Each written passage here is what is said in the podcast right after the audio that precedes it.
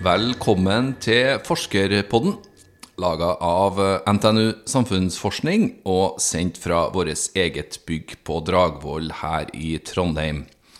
Mitt navn er Vegard Smevold.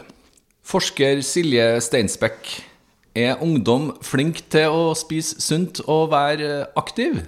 Ja, noen er jo kjempegode på det, og for noen så blir levevanene ganske mye dårligere i løpet av ungdomsårene. Når man undersøker liksom hele gruppa av ungdom, så ser man at det er en god del i ungdomsårene som blir mindre fysisk aktive. De slutter på organisert idrett osv., og, så videre, og de utvikler mer usunne spisevaner. I dag skal Forskerpodden handle om eh, ungdom og spisevaner. Forskerpodden er laga av NTNU Samfunnsforskning her på Dragvoll i Trondheim. I dag har jeg med meg Silje Steinsbekk, som er forsker på oppvekst og utvikling her på huset. Silje er psykologspesialist og har forska på barn, ungdom og spisevaner i godt over ti år. Du har eh, vært med i den podkasten her tidligere. Da snakka vi om eh, de ja, bortimot aller minste barna, de på et par år og oppover. Mens vi i dag skal snakke om uh, de litt større, de som har blitt ungdom. Hvorfor er det så vanskelig for ungdommene våre å spise riktig og bevege seg nok? Jo, altså det er jo mye som skjer i ungdomsårene. Det er en ganske heftig periode. Og man tenker at noe av de viktigste utviklingsoppgavene i ungdomstida er jo det her med autonomi. Det at man kjenner at man står på egne ben, tar litt avstand fra foreldre og familie. Ungdommer søker mer ut mot venner, så venners innflytelse blir enda viktigere. Eh, og så er det store biologiske endringer som skjer i forhold til pubertet f.eks., som både påvirker, kan påvirke fysisk aktivitet og spising. Og så er det jo hjernene deres er jo virkelig under ombygning.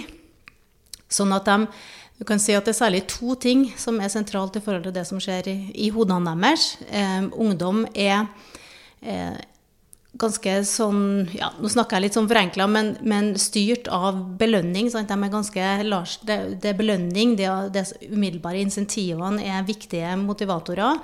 Og samtidig så har de ikke helt den kognitive kontrollen eller evnen til selvregulering ennå som behovet deres for autonomi skulle tilsi. Du kan si at de, de egentlig vil være voksen og selvstendig og uavhengig, men de har ikke helt hoder til å, å, ta alle de gode valgene. Har ikke de skjønt helt uh, konsekvensene ennå?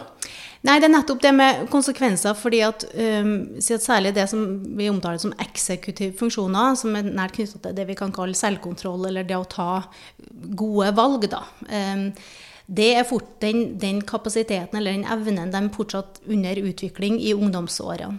Så det er nettopp den evnen til å tenke konsekvenser er ikke de helt laga til. Det, det, er eh, ja, som jeg kjenner sa, som, det er som om det, det, er ikke uten grunn at vi sender unge menn i militæret, fordi de, ikke, de evner ikke så godt å se konsekvensene av egen atferd. Og, og det, er, det, her er normalpsykologi. altså Hjernen driver fortsatt og utvikler seg masse, men det kan gjøre det vanskelig for ungdom å, å ta gode valg. Ser de litt uh, for kort frem i tid? Kan vi si det? Det blir den her umiddelbare behovstilfredsstillelsen som blir viktig. Sant? Det å klare å, å, velge bort den sjokoladen fordi at jo, nei, nå skal jeg unngå å få hull i tennene eller ikke legge på meg så veldig.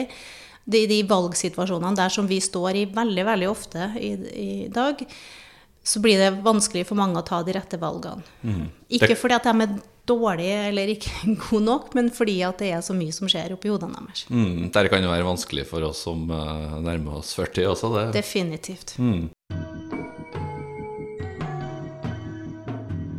Jeg vil jo tro det her er et uh, sårt og vanskelig tema også for uh, vi som er foreldre til de ungdommene.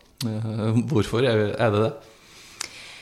Det er jo noe med at vi som foreldre ønsker det beste for ungene våre. Eh, og ungdommer, i likhet med unger, vet ofte hva de har lyst til, men ikke alltid hva de har behov for. Og når de, er, når de her ungene er små, så er det lettere å være veldig tydelig på at jo, du skal pusse tennene, eller nei, det er ikke saft til middag. Men nettopp fordi at ungdommens utviklingsoppgave er å ta avstand og ikke gjøre sånn som foreldre sier Um, så er det ikke så lett å bestemme over en 17-åring og si at nei, du får ikke saft, eller eh, bære den ut for at han skal på skitur, fordi at han er faktisk eh, to hoder høyere enn deg. Og, og, um, så man skal ha mindre kontroll i hermetegn på ungdom. De skal ta flere valg sjøl. Um, så utfordringa er å klare å tilpasse de strategiene man har brukt til at nå, nå er det en ungdom man forholder seg til, og ikke en fire-, fem-, sjuåring. Mm. Um, så um, det vi vet noe om, eh, enten vi er ungdom eller voksen, det er at hvis noen forteller oss hva vi skal gjøre, så blir vi litt fire år og i opposisjon. Da skal vi i hvert fall ikke gjøre det. Det kaller vi reaktanse på, på psykologspråket. Um, og det vi òg vet fra studier av voksne, og også for så vidt ungdom, at hvis man får en sånn positiv, bekreftende, støttende um, form for altså innspill da, fra en, en, partner eller en forelder i forhold til å komme seg på trening eller ta gode kostholdsvalg, så fremmer det god helseatferd. Men hvis man bruker mye press og tvang og uh, forholder seg til ungdommen på en måte som trigger negative følelser, som gjør at du føler deg dum, utilstrekkelig, ikke god nok, så virker det mot sin hensikt. Mm. Jeg, vil, jeg, vil, tro den balansegangen der da, er vanskelig å finne. Mot å være eh, streng og la ungdommen også få ta de egne valgene. Ja, absolutt. Og derfor så ser vi ofte, eller så ser man i en del studier at det her strategiene, hvis vi kaller det ene press og det andre mer støtte, da, at det henger faktisk sammen. Altså at foreldre som bruker press, de bruker kanskje også en del støtte, men det er støtten som fungerer. Det å utforske f.eks. en ungdom ok, nå har du lyst til å komme i gang med trening. Hva er det som skal til? Hva kan jeg gjøre for å hjelpe deg? Hvordan skal du oppnå det? Hva, hva, hva trenger du? Sant? Å være med og utforske hva som kan fremme gode levevaner, istedenfor å si åh, du er noe håpløs, du sa nå du skulle på trening, men ja, så her sitter du foran PC-en igjen. Mm, mm. Det trigger negative følelser og vil i liten grad motivere denne ungdommen til å komme seg på trening. Hva skal man heller gjøre, da? Hva er det de beste rådene du kan gi? Det er nettopp det å utforske hva er det du trenger av støtte, hva kan jeg gjøre, um, skal vi gå sammen, er det noe du kan få med deg, um, skal jeg, skal jeg minne deg på det, skal jeg ikke Det å få en, prøve å få en dialog med ungdommen i forhold til, til hvordan skal komme seg på trening, eller hvordan skal vi gjøre det under et måltid. Du kan ikke spise pizza til middag hver dag. Her er det middagsrutinene, dem må du forholde deg til. Ehm, det er den gode kombinasjonen av kjærlighet og korreksjon som, eh, som, gjelder også når de er ungdom. Men det er mm. ofte litt mer krevende. Det blir mer krevende jo eldre de blir? Kanskje? Ja, perioder. Altså og så er det jo viktig å understreke at det er veldig store individuelle variasjoner. Mm. Det er mange faktorer som påvirker hvorvidt ungdom er fysisk aktiv og, og spiser sunt. Det handler om kjennetegn ved ungdommen sjøl, temperament, personlighet selvfølelse, kroppsbilde. Det handler om kjennetegn ved familien, foreldrene. Vi vet at foreldre som er fysisk aktive, de har ofte unger som også er fysisk aktive. Eh, foreldre modellerer jo gode levevaner. Sant? Hvis foreldre spiser pizza hver dag, så er det mer sannsynlig at ungene også gjør det.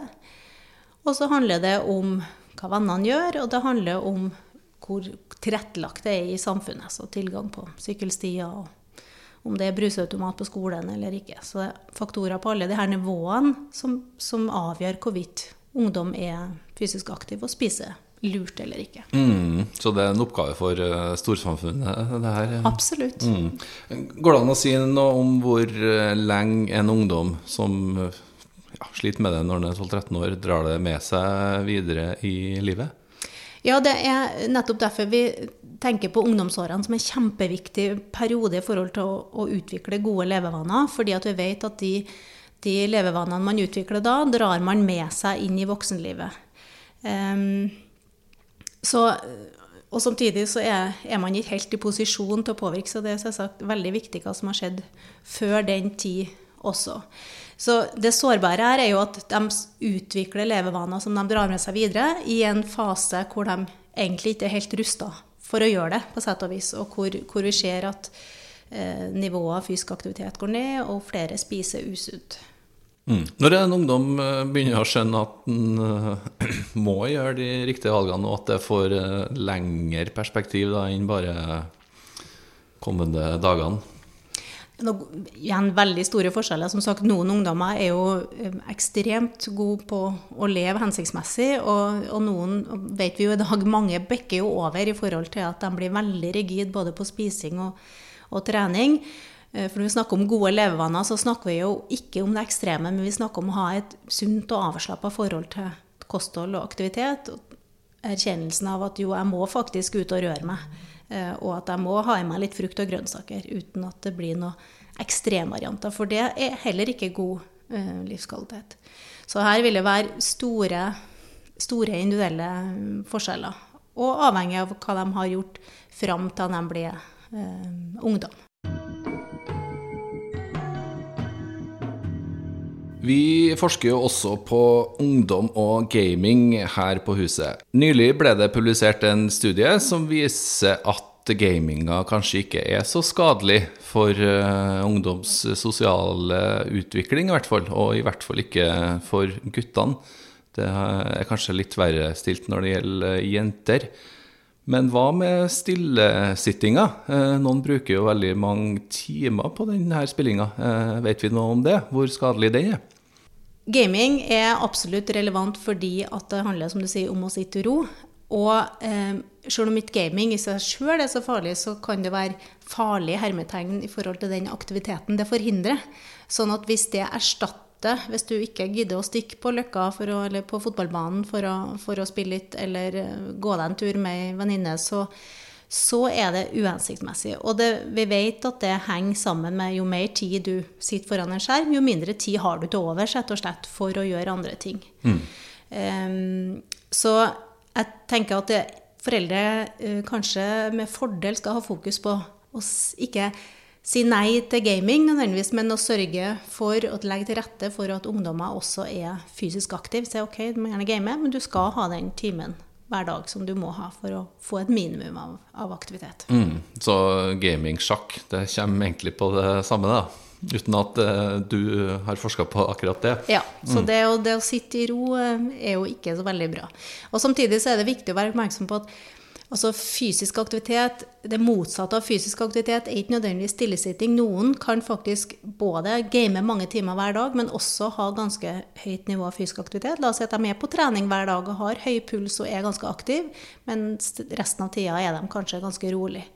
Um, så det er viktig å fremme fysisk aktivitet også hos dem som gamer, selvsagt. Det er kanskje sånn vi voksne har det òg. Vi sitter en del på kontoret, og så trener vi en time intensivt på ettermiddagen. Det er nok en viss likhet der. Og klart, igjen, foreldre er jo rollemodeller for, for ungdommene, så det er viktig hva de gjør. Og også når vi snakker om det her med hvordan foreldre kan påvirke, så um, ting er hvilke strategier foreldre bruker, om de bruker mye type kontroll eller press, eller, ja, som vi vet er lite hensiktsmessig. Men det handler også om hva som kjennetegner relasjonen mellom ungdom og foreldre. Så det vi vet, er at hvis det er varme, gode relasjoner, så er, har foreldre mer innflytelse, særlig hvis de bruker de her positive støttene, tilnærmingene til å fremme god atferd. Mm. Og, og, og, sånn er det også i andre parrelasjoner og jobbrelasjoner. Når man har en god relasjon, så, så tåler man mer. Men det man lærer mest av, eller det man nesten utelukkende lærer av, det er jo det som er positiv forsterkning. Å få positiv oppmerksomhet på det som er bra, og ikke kritikk på det som ikke er bra. Mm. Selv om det er lett å gå i den fella. Og det var kjempebra at du støvsugde, men du kunne godt ha tatt stua òg. Mm. Mm. Og da mister du effekten av den første positive responsen. Mm. Det var jo noe av det der også spillforsker Beate Hyggen eh, snakka om, at Spilling er en ting, men vi som foreldre må være uh, mye flinkere til å sette oss inn i hva de unge faktisk driver med. Mm. Og det, det, gjelder vel her også. Ja, at da kanskje De der varme har... relasjonene som du snakker om. Ja, og, og hvis man har um, Og det kan jo være tidvis være vanskelig å ha en god relasjon til ungdom som er i opposisjon. Sant? Mm. Det er mm. for mange prega av mye konflikt og uenighet. Um, og det er for mange en del av pakka. Men hvis man har en, en, god relasjon, så er det mer rom for også å snakke om det som er vanskelig. Eh, men i likhet med det med gaming, som Beate snakka om, det å være interessert og nysgjerrig, ikke bare si at nå må du se til å komme deg på trening, men si hva, hva, er det du liker? Hva er det minste du kan få til? Det være litt sånn genuint nysgjerrig på mm, hva er det som kan funke for deg. Um, det skapes, og det å vise at man er interessert i denne ungdommen, og hva han eller hun faktisk eventuelt har behov for eller kan ha nytte av, um, vil være gunstig. Genuint eh, nysgjerrig var et eh, godt råd, eh, tror jeg. Før vi nærmer oss slutten, går det an å oppsummere ved å gi det aller beste rådet til en ungdomsforelder? Hmm.